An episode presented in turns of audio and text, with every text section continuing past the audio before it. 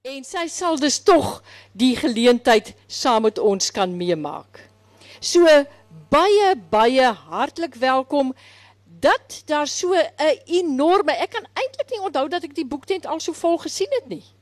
Dat daar so 'n enorme skare mense kom.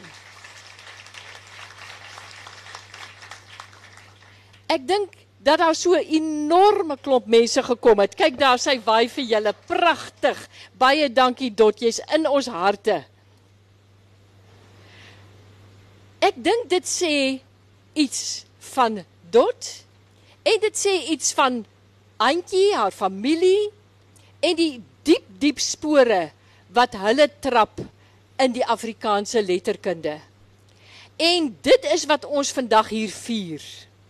Uh ons die profile is altyd bedoel vir die mense wat 'n uitnemende bydrae gelewer het om Afrikaans vir mense aantreklik te maak, om dit toeganklik te maak, om dit uh by in mense se harte te vestig om verskillende redes ons het al 'n hele aantal profile uh aangebied en dit is vir my altyd 'n enorme voorreg om dit te kan doen. Uh want dit is vir ons belangrik om ons skrywers te vereer vir wat hulle vir ons gee. Nou moet ek sê vir hierdie jaar was dit 'n moeilike keuse want Antjie het ook 6 is ook al jaar van haar 60ste verjaarsdag en ons in 'n groot mate in 'n groot mate vereer ons haar ook, maar ons het toe besluit ons bied 'n spesiale geleentheid by haar aan by 'n later, effens later geleentheid. Maar baie baie welkom. Ek sal vir u kort kort sê, ag ek sal vir u kortlik sê wie het ons almal hier op die uh verhoog en hoe die programmetjie uh gaan verloop. Heel eerste, my rol is nou byna uitgespeel. Ek kom net so weer aan die einde weer by en dan is dit in die veilige hande van verskillende mense hier. Ek dink dan miskien sal ek daarom so tussendeur aankondig ook, want heel Eerste gaan Marius Kraus, 'n oud student van my wat nou 'n dosent in Port Elizabeth, self 'n baie bekende digter wat hier 'n bundel uh, bekendstel by die Woordfees. Hy gaan eers 'n oorsig gee oor Dot se bydrae tot die letterkunde. Daarna uh die volgende ja, dit is eintlik formidabel want dit is maar net 10 minute. Ek hoop julle slaag daarin, maar ons daar's nie iemand dan in hierdie saal net hier na daarom nie. Dan is dit Susan Samuel, ook 'n oud student van ons departement. Baie welkom hier aan Susan. Ehm uh, die kleindogter dan van Dot en dan natuurlik Auntie wat uh ook self gaan voorlees uit Dot se werk. Dan gaan Andries uh, Samuel, die seun van ehm uh, van Auntie wat langs haar sit, gaan voorlees uit eie werk. Uh dan het ons die voordrag van Antoinette Kellerman uit 'n ander tongval. En dan uh, sal ons kyk dat Antjie 'n boodskap voorlees namens Dot of ons kan kyk hoe sy uh, voel dan en dan waarna ek dan die uh, ja, ek het vergeet net voor Antonet lees ook Willem Krog, die broer van Antjie, lees ook voor vir ons uit uh, eie werk. So jy sien dit is 'n ryk ryk geleentheid hierdie van die Samuels in die Krogs en die Serfonteins tot Serfontein hier. En uh, ek dink ons kan begin met Marius dus en uh, hy gee dus die oorsig oor tot se werk.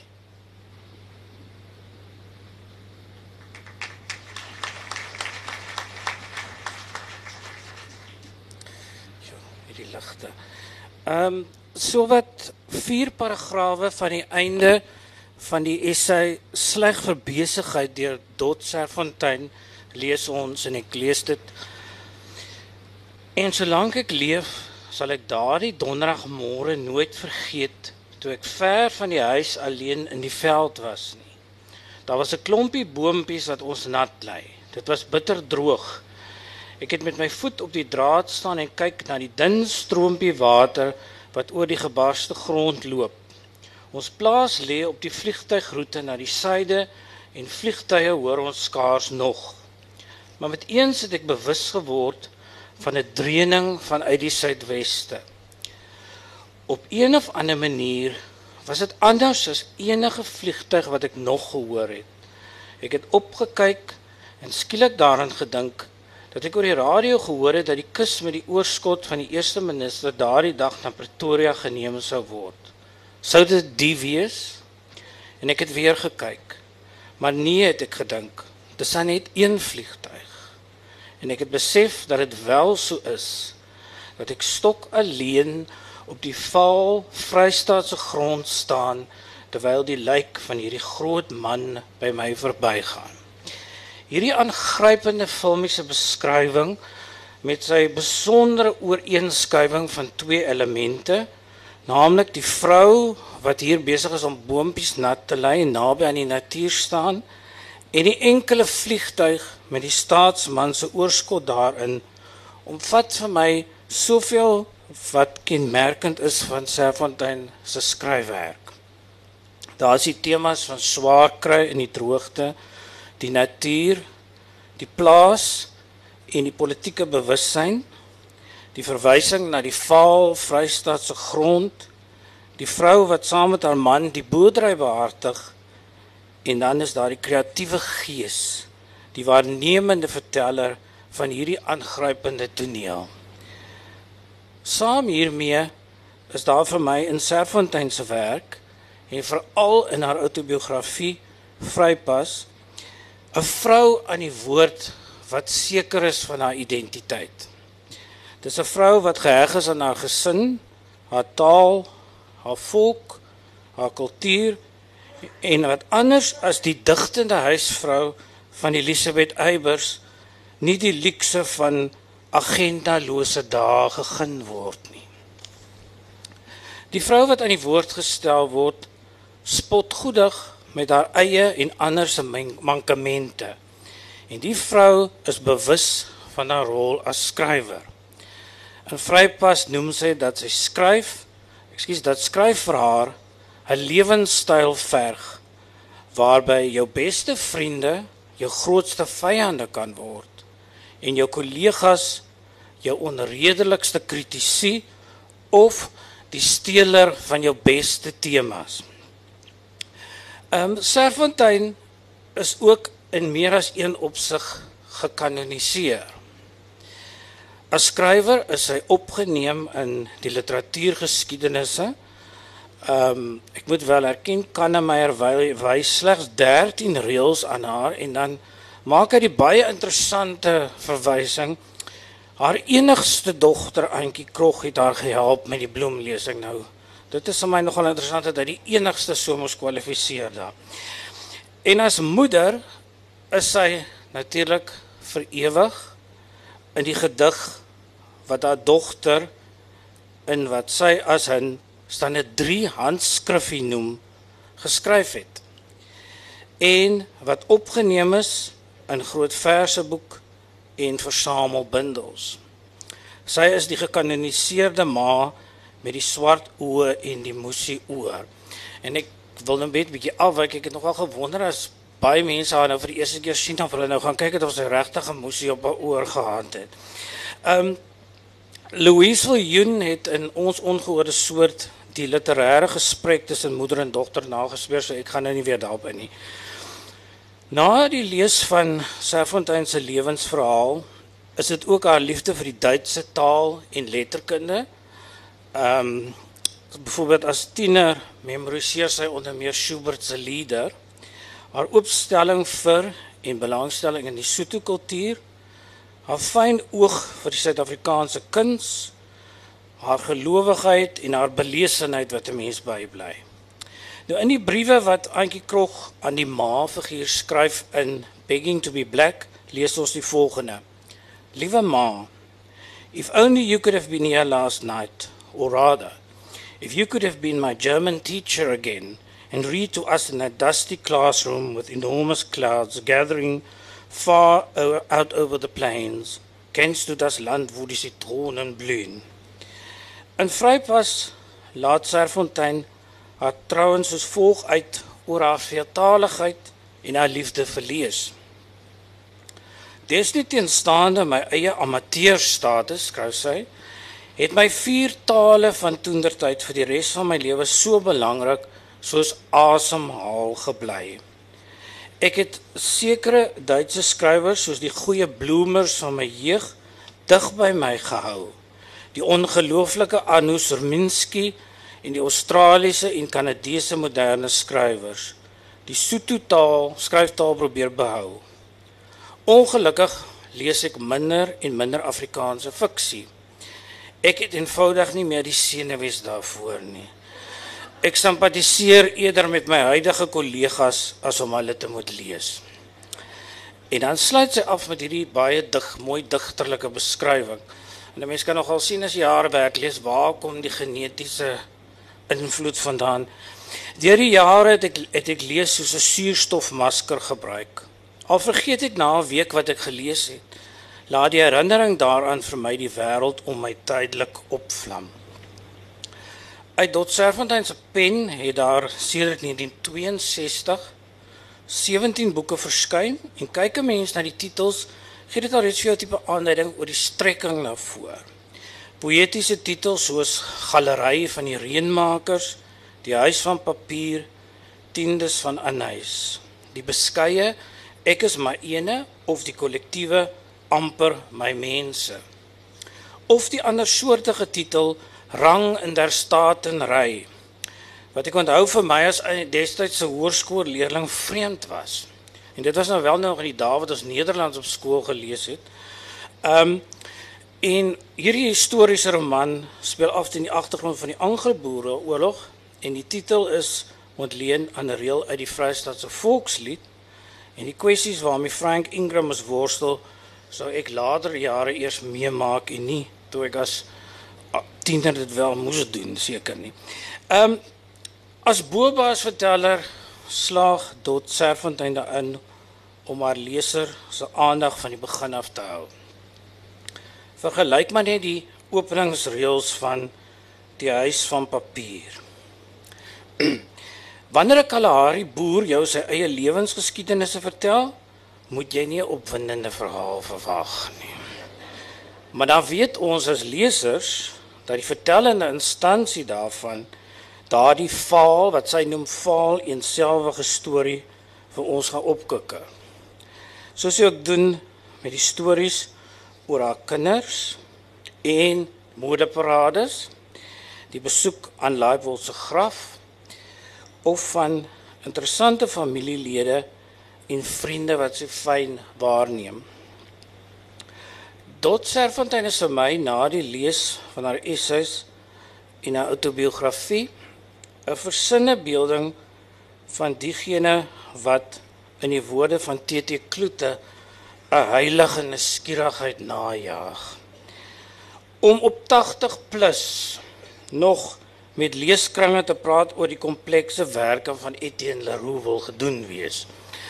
Ehm um, nou ter afsluiting Serfontein skryf in die begin van Vrypas het sy baie interessante so grappige essay oor wat dit beteken om 80 te wees en dan sê sy wanneer 'n mens 80 plus is word jy en ek haal aan van agter af in jou graf ingestoot deur ongeduldige jongeres. Nou my versigtiging hier aan die einde is dat die jongeres eerder sal gaan sit hulle elektroniese naalstringe met die eter sal ontkoppel en Serfontein se werk sal herontdek. Baie dankie.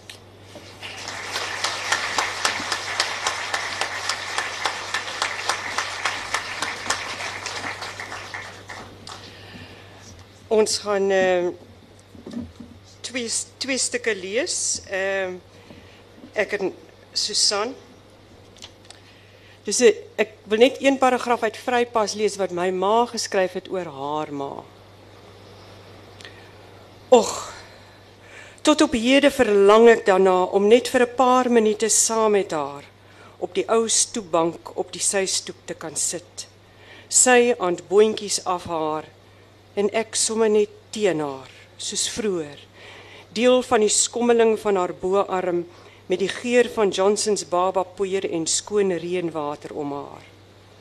Hoe verskriklik graag sou ek nie al is dit net vir 'n paar oomblikke herleef dat iemand se liefde en volledige vertroue na my toe uitstraal sonder verdienste van my kant. Hoeveel dinge uit my latere lewe sou nie meer skuld wees nie, maar voortbestem. My mislukkings nie meer rou seere nie, maar vloei buite. Die dood nie meer verskrikking nie, maar die einde van 'n goeie reis waarin ek my foute en sondes soos 'n goue harnas om my kan saamdra na die oord waar sy heen is.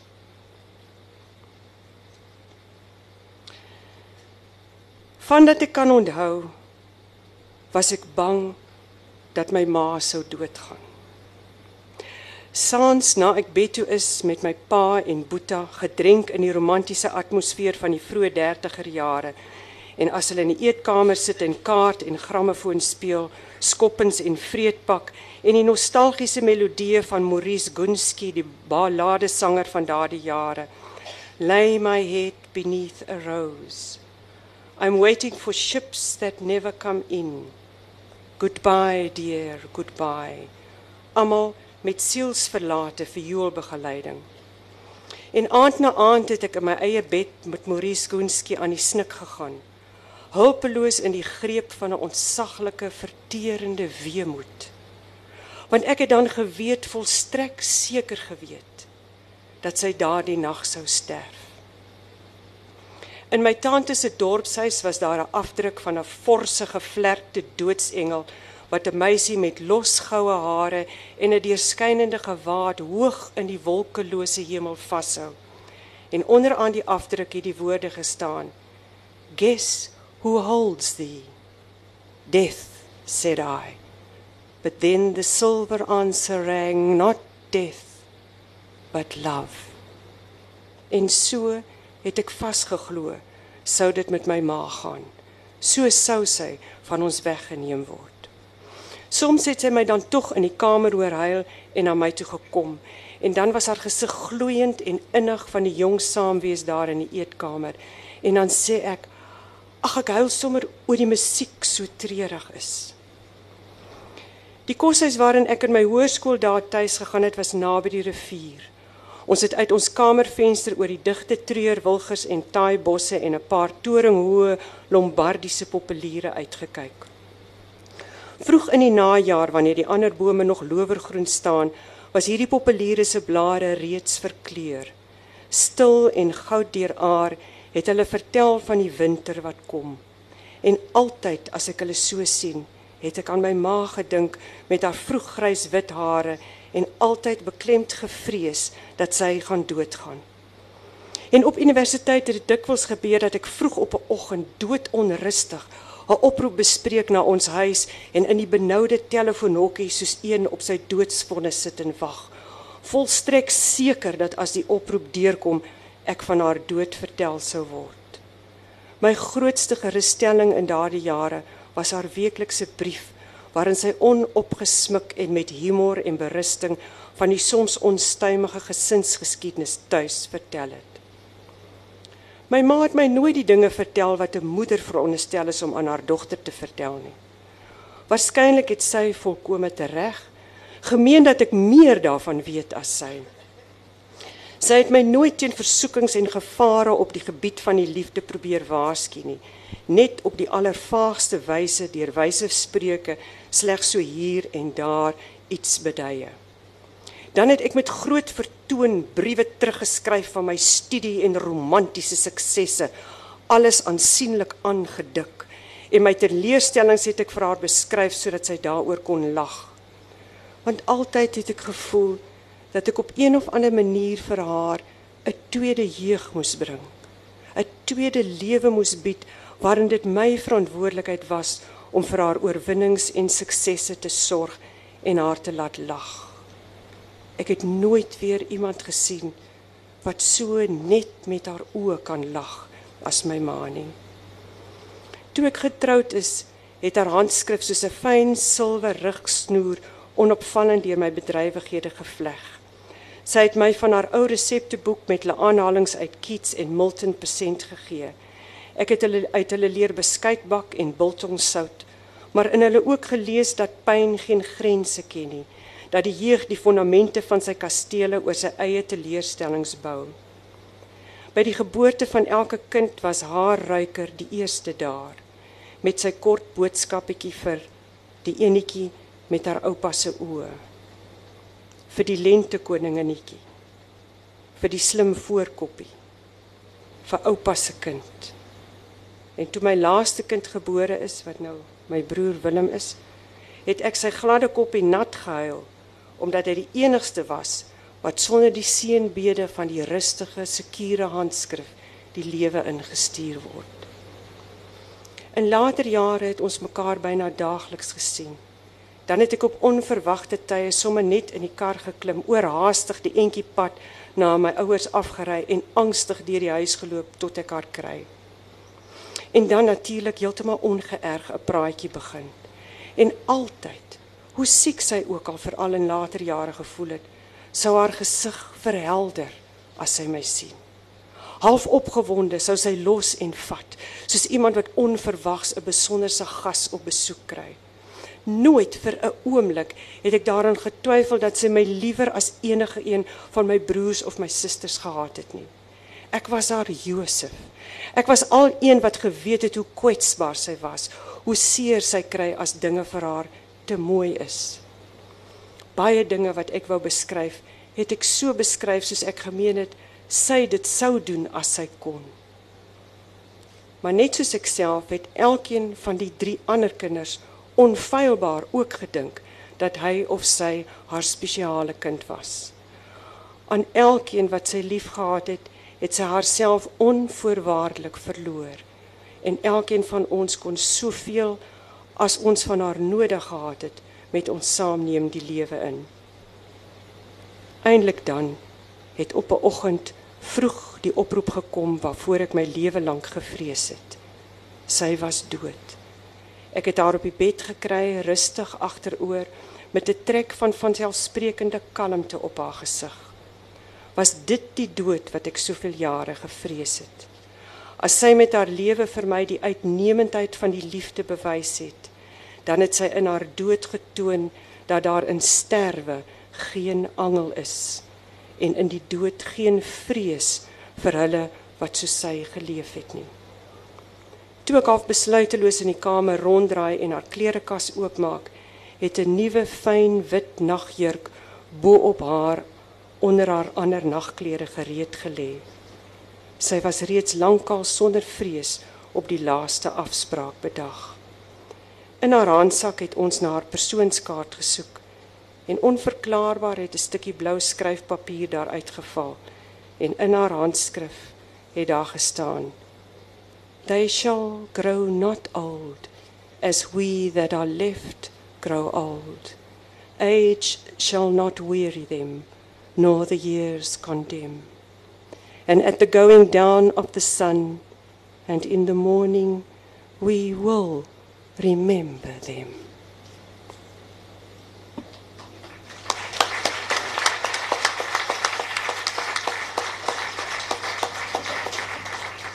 Ek lees nou aan die begin en aan die einde uh, is die twee goede uitsoek. My ma, iemand het my pa geld geskuld.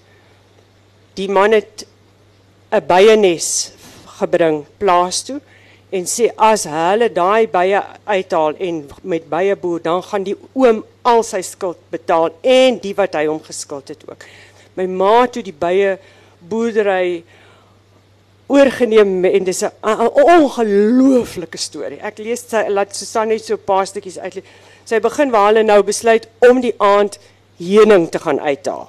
Maar niemand van ons wil haar help nie, maar my ma trek nou aan en hulle vertel my ma die bye kenner sê bye weet jy kom hulle help. As jy aanloop na daai bye kort toe dan kom hulle jou so te gemoed gevlieg want hulle weet jy kom hulle help.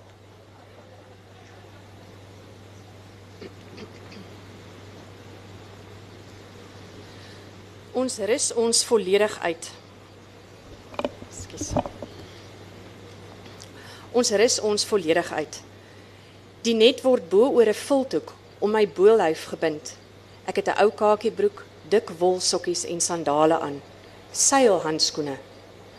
As ek jy is, trek ek 'n plastiek reënjas ook aan. Die oom lyk opreg bekommerd en die kinders sit skuldig rond. Hulle sou graag wil help, kan jy sien, as dit net iets sinsvols was waarmee ek besig is. Ek trek maar die reënjas aan om nie gevoelens te kwets nie. Buite in die flou lig staan Ransane en wag. Dis die mies, vra hy bewerig toe hy my sien. Dit lyk of hy ook sy hele familie se klere aan het. Hy is so groot soos 'n beer en ek moet ekstra toue aan die net vasmaak om dit om sy lyf vas te kry. Agter die net glim sy oë van benoudheid. Ons dra eers al ons benodigdhede na die boord. Hy lig met die flits. Ek haal versigtig die deksel af. Hy staan 10 tree weg en by die bibberende liggie van die flits blaas ek die rook bo by die soeper in om die bye van onder te dwing. Daarna steek ek die punt van 'n eysterveer tussen die boonste en die onderste seksies in om dit los te wring. Toe dit met 'n kraakgeluid loskom, besef die bye dinge is nie pluis nie. Dis publiek of jy sirenes in verskillende hoeke van die korf hoor loei. Dit gil en dreun en stamp en die bye peel by die uitgange uit soos klam koeke koringstrooi by 'n dorsmasjien se tyd. Hulle maal so dig op my om my dat ek nie kan sien waar ek werk nie. Ek skuif die soeper te ver, dit kantel, knars dosyne bye dood. En by die doodsreek van hulle medestryders is dit asof hulle mal van woede word. Hulle pak my. Hulle val in swaar golwe teen my net vas sodat dit tot sentimeters van my gesig af induik. Hulle skree en sketter en gil in meksem sarsies en 'n dodelike stank van buskruit en perdemis walm uit hulle uit. Die soeper val op die grond. Dis te swaar vir my om alleen te dra. Ek weet ek moet kalm bly. Ek moet net rustig aangaan. My boek sê so. Die bye weet mos ek probeer hulle net help.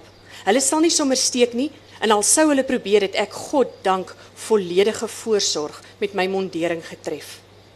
Toe ek die rampie uit het, kry hulle die eerste breek in my wapenrusting, die wolkouse.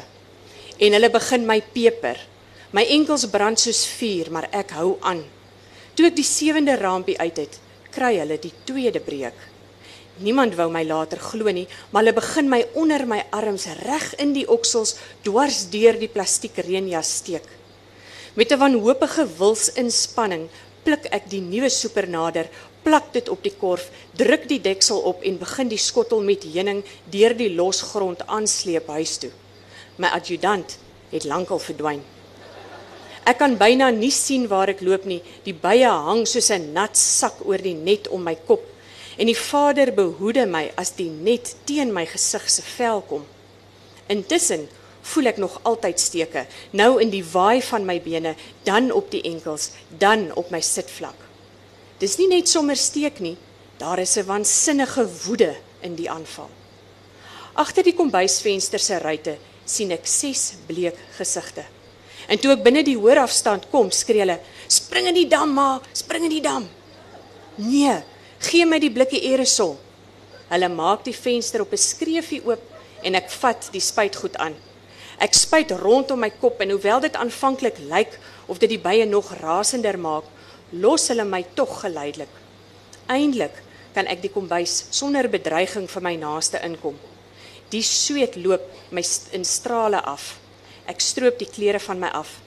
Maar toe ek die net afval, is daar iewers nog een van die selfmoord eskadrille tussen die voue. En in die verbygaan rap sy my aan die binnekant van my bolop, reg voor onderkant my neus, 'n priemende doodskus. Ek is nog nie behoorlik uit alles uit nie, toe begin ek 'n suising in die ore kry. Ek hoor uitroepe soos van ver af en toe ek my weer kom kry, bondel hulle my in die motor in. By die hospitaal, terwyl die oom die menigvuldige vorms gaan invul, word ek in die sorg van 'n jong verpleestertjie gelaat. Intussen my en haar vind daar vir my 'n volkome onverstaanbare toneeltjie plaas. Sy vra: "Voel u al beter, mevrou?" En dan knik ek. Dan trek sy my regop op die bed sodat my voete afhang. Ek sit 'n rukkie so maar begin dan weer 'n bietjie snaaks voel, draai my om en lê op die bed. En dan sê sy weer: "Ek dink regtig mevrou voel nou weer 'n bietjie beter." En dan trek sy my regop en draai my sodat ek skuins op die bed sit. Na die 4de keer word dit selfs vir my benewelde sinne duidelik dat sy wil hê ek moet regop op die bed sit en nie daarop lê nie. Waarskynlik herstel 'n mens vinniger so, dink ek, en doen my bes om regop te bly. Toe die oom terugkom sê hy: "Man, jy lyk maar nog vaal. Ek dink jy moet die nag hier oorbly net vir ingeval. Dan kom ek jou môreoggend vroeg haal." Ek dink toe ook dis verstandig, maar die verpleegstertjie sê met groot beslisheid: "Ag nee wat meneer, dis glad nie nodig nie. Mevrou voel baie beter, sy kan saam met jou teruggaan nou." Ek voel hoe ek in my aardigheid ergerlik begin word. Ek gaan my sekerlik nie van 'n kind laat vertel hoe ek voel nie. Ek sak met mening agteroor en lig my voete oor die bed en sien hulle vir die eerste keer behoorlik raak. Soos die heuning op my wolkouse gedrup het, het dit deurgesuig en in strale oor my voete geloop. Met die aansukkel huis toe deur die los grond van die boord, het die stof ook ingesypel en aan die heuning kom vassit. My voete lyk soos twee babers wat iewers 'n verskriklike teenspoed in die modder gehad het. Nou begryp ek die verpleegstertjie se motief. 'n Ernstige ongeval, behoorlik stikkend getrap en fyn gekarring met verskeurde klere en strome bloed. Daarvoor is netjies opgemaakte wit beddens in die ongevalle afdeling bedoel. Maar siks ou vrouens wat duiselig deur die bye gesteek word as hulle kaalvoet gaan varke kos gee, die dat jy regtig nie toe om jou beddens vuil te mors nie. En jy was nie daardie voete nie. Jy is ook maar net mens. Ons ry huis toe. Daar word niks gesê van ek het jou mos gesê die ellendige spulbye ensovoorts ensovoorts nie. Op sy eie manier is die oom 'n man met 'n groot hart vir 'n verloorder. Maar ek weet wat hy dink. Ek wil vir hom sê ek dink nie dis die byege wat my siek gemaak het nie. Dis die vleesspuitgoed wat ek in my beswete gesig gespuit het wat my aangetas het. Maar wat ek in werklikheid uitkry is iets soos ja ja ja ja ja ja. Toe weet ek as ek die werklikheid van my onderpunt reeds onder oë gehad het, is daar aan my bopunt nog heelwat dinge wat nie gekaart is nie. Dis daardie vervloekte by wat my onder die boelop gesteek het. By die huis word die kinders asfaal toe hulle my sien. Hulle staar gehipnotiseer na my gesig. En toe ek aanstap badkamer toe, hoor ek hoe hulle hygend in die kombuis inbondel en diere geluide uitkreun van ingehoue lag. Ek bly in die spieël kyk na my gesig, stom en afsydig, want ek het in my ganse lewe nog nooit iets gesien wat soos ek op daardie oomblik lyk nie. Nie 'n dier of 'n mens dood of lewend nie. Die steek was waarskynlik op 'n senuwee, daarom dat dit so gou en so kwaadaardig geswel het. My hele boelop het vorentoe gestoot sodat dit nou gelyk met my neus se punt is. Die neusgate sit soos twee gaatjies in 'n blink geruiste mosbol. Dis gans onmoontlik om my onderlip teen my boelop te kry. Ver terug en heeltemal ontoereikend aan 'n dun slangkennetjie sit dit daar. Insgelyks sit my twee oogies, bruin en getrou, byna so ver terug van my mond soos 'n hond se oë van sy snoet af. En daar lank bly dit so. Ek kan nie uit 'n koppie drink nie. Ek moet 'n rietjie diep in my keel druk, my tong bak daarom draai en die vloeistof inhyg. As ek kou, val die kos uit my mond. Mense hoor van my en kom vir onbenullighede kuier. Maar net die heel vertroudstes word toegelaat om my te sien. Ons kinders in die koshuis kom met fietsse uitgery om te kom kyk, bang dat alles al afgesak sal wees teen die naweek. Na 'n paar dae sak die gif en die swelsel laer af. In my wange hang soos 'n boelsin na weerskante af. Toe alles eintlik verby is, bly ek sit met 'n kettingkie om my pols en 'n plaadjie waarop staan dat ek allergies verbysteek is en nie sonder pille mag rondbeweeg nie.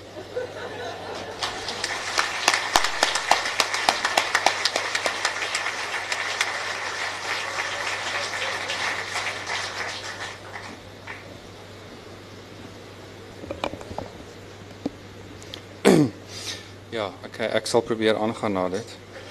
Ehm um, die, die een ding wat ek voel vir my ouma altyd is asof sy soos Prometheus iets gaan steel het by die gode en ons gee dit nou so aan vir mekaar. Maar daar's 'n 'n plek wat ek assosieer met hierdie en dit is die huis waar baie van die stories plaasvind en waar meeste van ons ehm um, groot geword het op 'n manier. Ehm um, ek het dit geskryf vir 'n 'n lesing en dit is nou vertaal deur uh, Karen Chimke.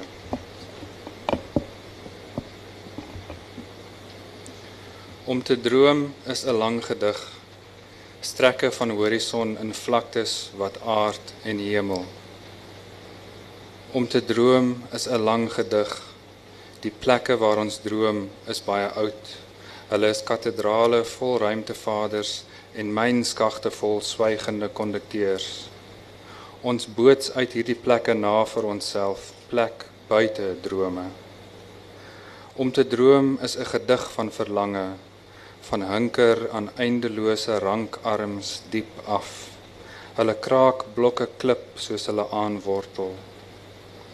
Wanneer mens sandsteen uitbreek in die Vrystaat, word die reuk van doringboomwortels verlos uit die opgekraakte blokke. Jy droom hierdie reuk in 'n huis in. Jy slaan mure uit hierdie diep reuk. Jy bou mure om te staan by die doringbome. Jy laat hulle reuk opstaan uit die grond. Plat dakke breek die horison, breek altyd die lyn. Staan altyd met die bome soos hulle van die begin af staan. Boontoe dromend soos hulle die horison verbysteek. Mense kameelperd nekkig boontoe ou mense se hotnotsgod o die bene van moeders wat al die pad onder toe grou verby die lyn van die grond vet kalbas drome in die buike van die kinders. In die huis is 'n lang gang. Wanneer jy kuier lei die voordeur halfpad jou na die lewensruimtes. Die huis voel warm en remoerig jy word verwelkom deur skurwe arms soos die klipmure van die huis aan die ander end van die gang lê die badkamer die plek van ontlasting in die rigting van die ondergaande son die gang se drome is van die sakkende son het die gang geen elektriese lig Wanneer dit donker is, verteer die swart klipvloer alle lig en klank. As jy 'n kind is, word om na donker badkamer toe te gaan 'n afdaling na die donkerste plek van waar jy droom. Agter jou raak die groot mense se lag weg en die omhullende donker droom om jou soos 'n kronkel slang. As jy regtig bang is, mag jy die kombuismes saam met jou vat. Die kombuis met sy klein vensters en kunsmatige lig na die kant van die stad reg oos gedraai. Dis asof die werk begin het in die binnegoed van die nag, dan met die dagbreek wanneer die donker mense kom, bring met hulle saam die opkoms van die son. Baie mense het gedroom in hierdie huis. Baie is gebore en grootgemaak. Baie spooke het met voorgeslagte saamgekom. Tussen hierdie mure het baie drome hulle wortels laat los en in die wakende wêreld getuimel.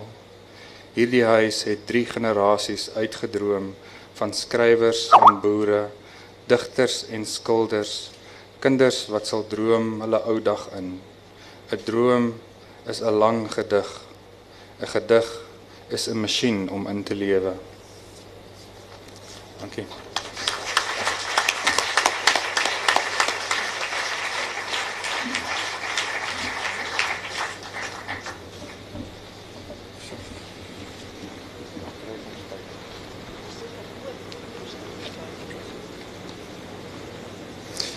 weet nie kom dis maar net by my ma se teks gehou nie. Hierdie is 'n stuk uit 'n nog onvoltooide manuskrip van myself.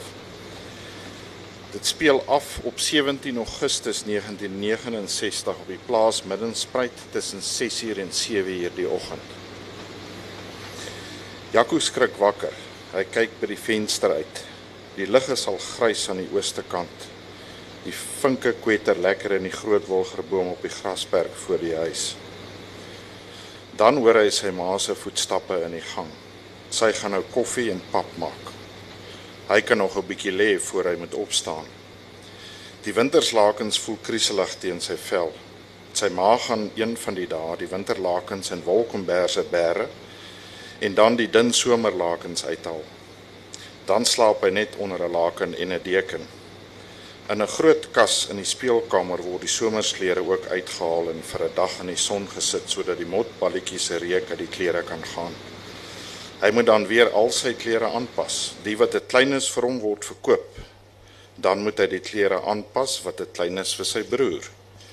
Net as daar 'n ernstige tekort is aan iets sal daar dorp toe gegaan word om 'n nuwe kledingstuk te koop. Die enigste ander nuwe klere wat hy kry is Kersfees.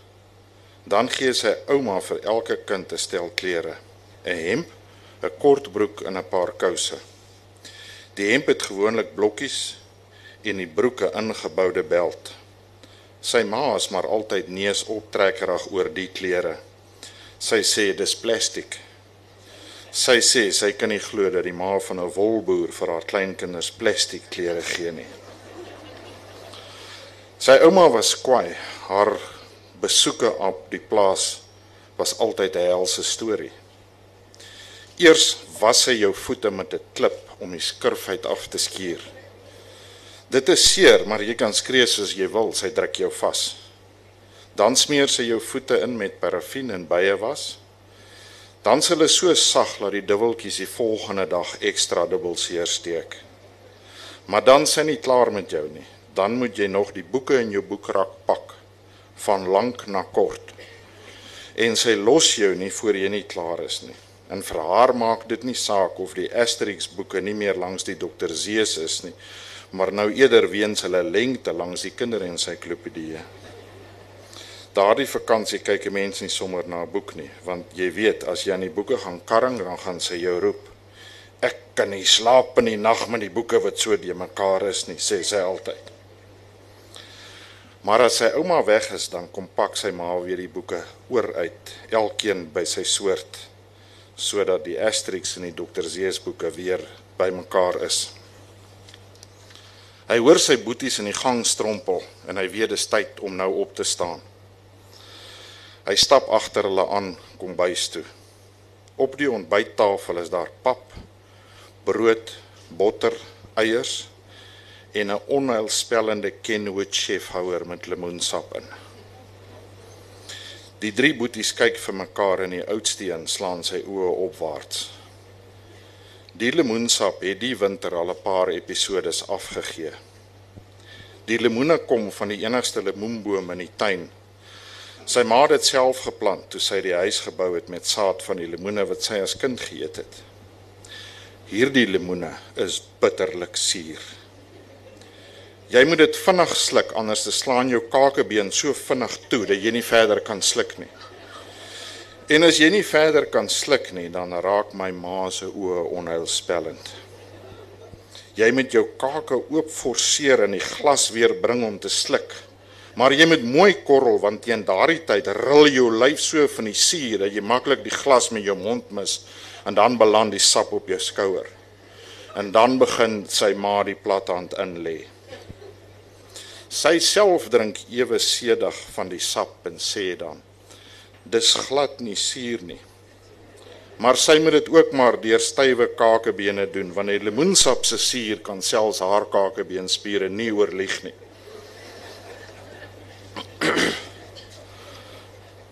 Saam met die pap wat krummelpap is, kom die laaste van die winter se biltong.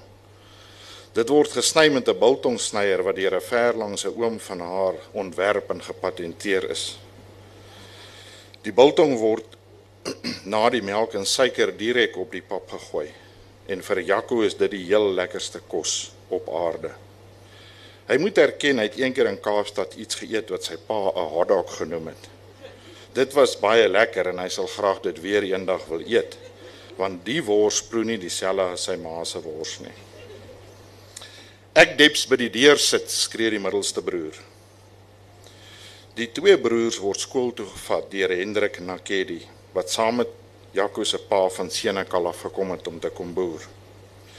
Dit is 'n reëling wat Jaco se pa ingestel het nadat sy ma sy oudste broer by die skool vergeet het en eers teen aandete agtergekom het dat hy nie by die huis is nie. Sy het hom onder 'n boom by die skoolhek gekry waar hy ewe dapper op sy skooltas gesit het. So van toe af word die boeties met 'n grys Peugeot bakkie deur Hendrik na Kerie ingevat skool toe en weer gaan haal word. Ek deps voorsit sê die oudste broer. Voor die middelste broer kan antwoord sê hy: "Pa het met die bakkie gery om die slagskaap te gaan haal." En hy rol sy oë van links na regs. Elke maandagooggend word 'n slagskaap vir die gesin geslag. Voorsit beteken die passasierssitplek op die ewegrys Peugeot 404 stasie waar waar die gesin se motor is. Jaco het nog nooit voor of by 'n deur gesit nie. As jongste word hy nooit gereken as 'n mededinger daarvoor nie. Hy mag wel op die bakkie langs sy pa staan en vir hom liedjies sing, soos ou Kees, ou Kees en die stoute jakkals. Hy het eendag op Simbamba gehoor hulle praat met die tannie wat die liedjies geskryf het. Jaco luister elke oggend Simbamba na tannie Susan en die stories is van wonderlik. Eet jou pap, glimlag sy ma vir hom. Sy het hom uitgevang dagdroom. Ek praat met Piet en Rali, sê Jaco. Sy ma se gesig lag. Sy ma praat baie met haarself en dan knik of skud sy haar kop in beduie met haar hande asof sy met iemand regtig praat. Jaco het haar gevra met wie praat sy? Toe sê sy met Piet en Rali. Hy wou weet wie dit is. Dit is sommer net mense het sy gesê. Ken ek hulle, wou hy weet. Nee, jy ken hulle nie. Praat jy met albei gelyk, wou hy weet. Sy het effens gehuiwer voor sy ja geantwoord het. Praat hulle terug, wou hy weet.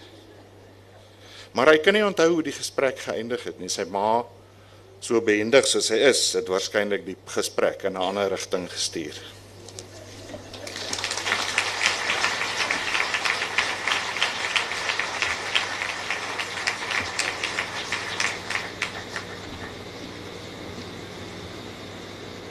Dankie. Dit is 'n voorreg en 'n eer om met my Serfontein te praat of van haar werk voor te lees in sulke uitgeleese geselskap. Ek wil twee kort uittreksels uit aan 'n tongval lees wat beskrywings is, een van die Valsrivier en die een van die Maliti berge. Waarheid en verdigsel het tot legende in myself verspring. Die stories wat ek vertel, is maar net my belewenis van die mense en dinge waartussen ek opstaan en gaan slaap. Nee. Niks is waar nie. Maar alles is moontlik waar mense geslagte lank onder die dassiebruin velkaros van die Noord-Vrystaat slaap teen brak winters en taaibosharde somers. En nooit vergeet ek die grootste storieverteller hier langs my nie. Hy was die getuie van baie trane. Hy ken al die stories, myne ook.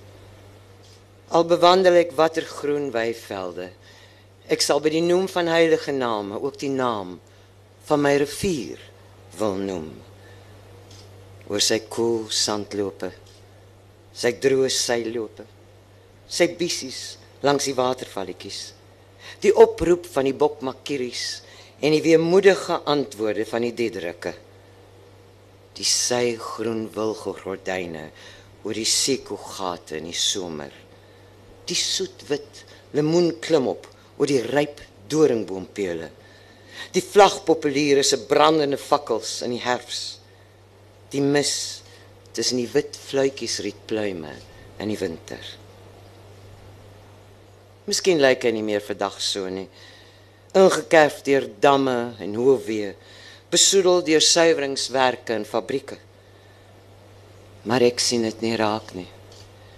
Ek glo nog onwrikbaar in sy ou boodskap van landelike vrede. Ek beleef nog die lug bokant hom, sagblou van wit. Die vergesig oor die vlakte steeds oneindig.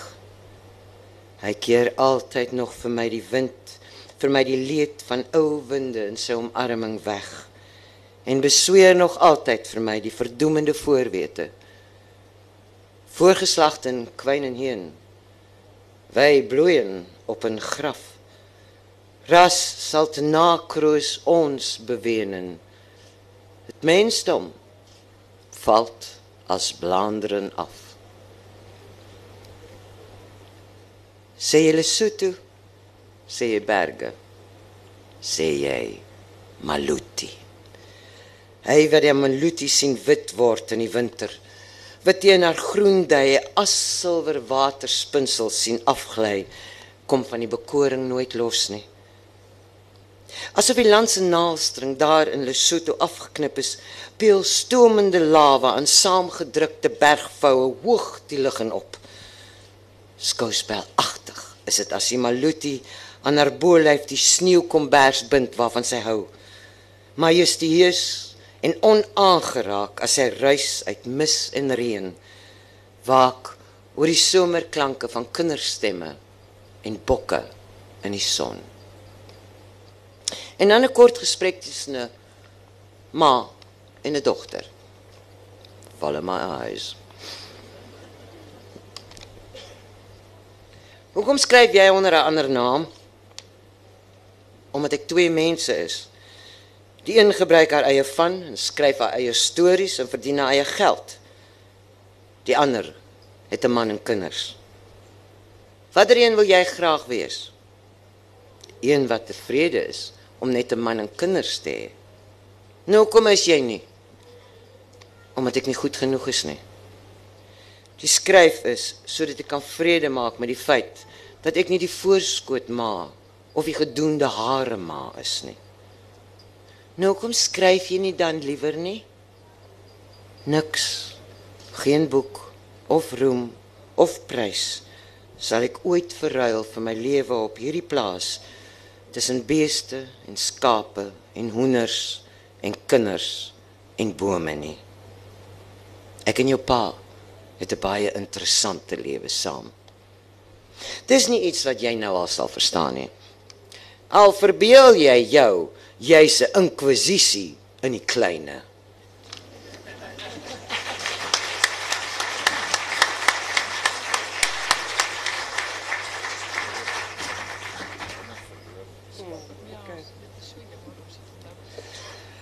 Ehm. Uh, wag eens. Dit lyk my ons het tot nou uh, verloor, uh, maar gelukkig Antjie lees nou vir vir die uh, boodskap van haar ma voor. Ek wil net uh, vinnig my ma het ook beskryf hoe huil Jali aangesien ons nou so karring in die, in in mekaar en sy sê my jongste huil heeltemal anders. As hy begin huil, tol hy 'n paar slae met sy mond en oë oopgesper, maar sonder dat hy 'n geluid uitkry, al in die ronde, soos 'n mens wat met 'n pyl in sy bors geskiet is. Dan trek hy 'n asem deur sy neus in dat dit sing soos 'n heuningbei en dan begin hy sulke kort, hoë blaffies gee en hop soos 'n tennisbal op. Hy struikel teen die meubels, hy val, hy kruip, hy slaan reg agteroor terwyl snikke soos elektriese skokke deur hom vaar. En sy hele huil aan stukke ruk en daar kom nie 'n traan uit sy oog nie. Dis iets verbuisterends om hom te sien, heeltemal onmoontlik om tot bedaring te kry. Jy moet hom eers 'n taai klap of twee gee om reëlmaat in sy huil te kry voor jy hom soos 'n goeie hengelaar met verdrag kan intrek na kalmte.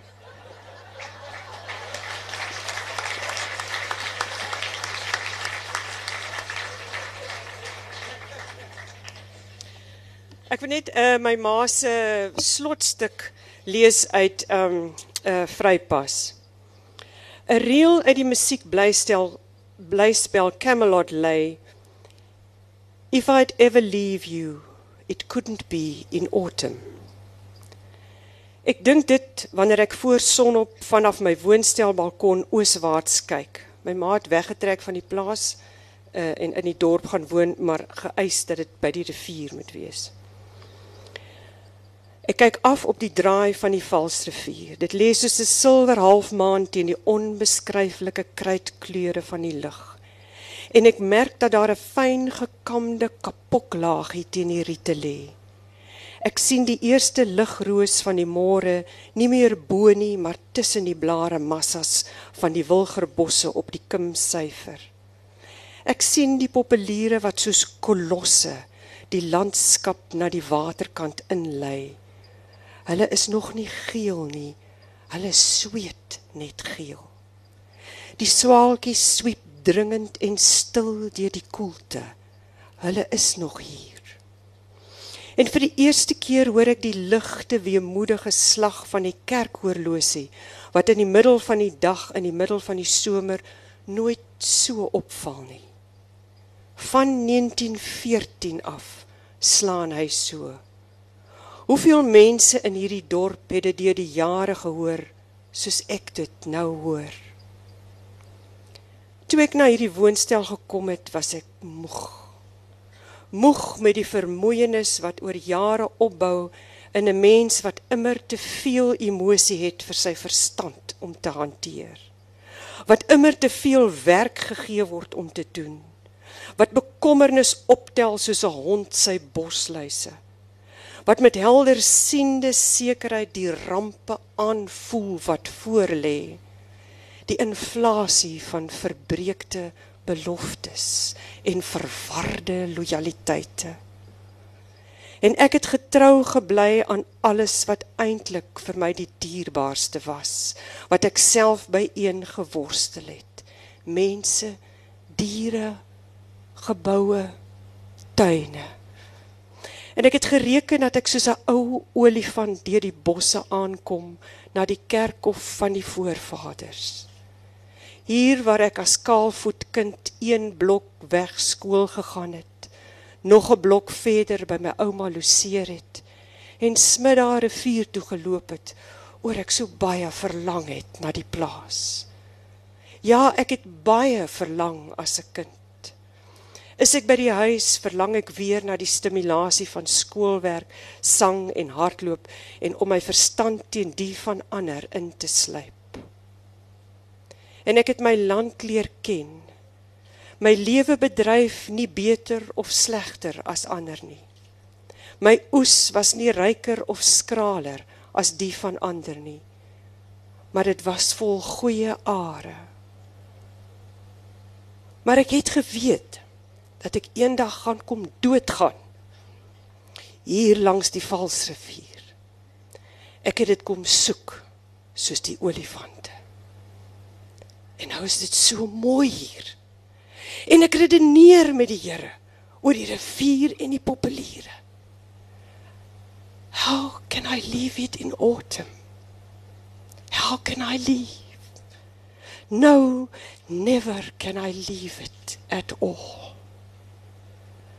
Kan ek maar nog 'n rukkie langer net van God droom langs hierdie goue bome en die sandklip.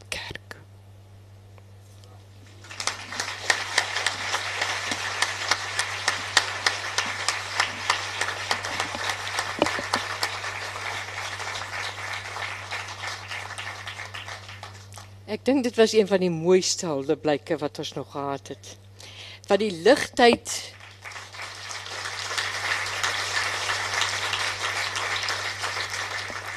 wat die ligtyd in die skadu in 'n pragtige ewewig vir ons gebring het. Ek wil nie verder praat nie want ek dink daar is al baie gesê en ek wil hê dit moet insink. Ek wil net sê As daar van julle is wat nou na dese nog wil lees, 'n stuk wat geweldig baie vir my beteken dit self, is Erika Terblanche wat ek al 'n vorige keer bedank het vir haar wonderlike werk. Sy pragtige stuk op Litnet. Gaan lees dit. Hoekom het Dot is Dot se naam Dot? Omdat sy dottertjie gesê het in plaas van dogtertjie. Uh mooi dinge oor wat sy sê oor Afrikaans. Uh, wat Andre P Brink van haar sê wil ek daarom ook net gou lees. Sy sê hy sê hier oor amper my mense onteenseglik boerekos die vir die fynproewer wat ver weet waar hy vandaan kom en wat dit waardeer om te sien hoe daar sin gevind en blootgelê word in 'n mens se saamleef met sy omgewing soos wat die boek se Oos-Vrystaaters te doen. En dan net Dot se eie sê goed op die ouend wat sy dan sê oor skrywers. 'n Skrywer is uitgelewer aan uitgewers, boekwinkels en kritici. Maar daar is min beroepe wat binne die beoefening daarvan, ongeag die resultaat, soveel innerlike rykdom bring, soveel heerlike spanning, soveel kommunikasie sonder teenspraak. So baie hartlik dankie uit my hart vir die krogs in die Samuels wat hierdie pragtige vir ons eintlik gewys het hoe loop die gene in hierdie familie en jy kan dit agterkom van die grootouma af tot uh op hede. Baie dankie aan Marius wat dit vir ons 'n baie goeie oorsig gegee het. Baie dankie van vir Antonet wat altyd 'n treffer is en baie baie dankie vir almal van u wat hierdie besondere geleentheid met ons kom deel het.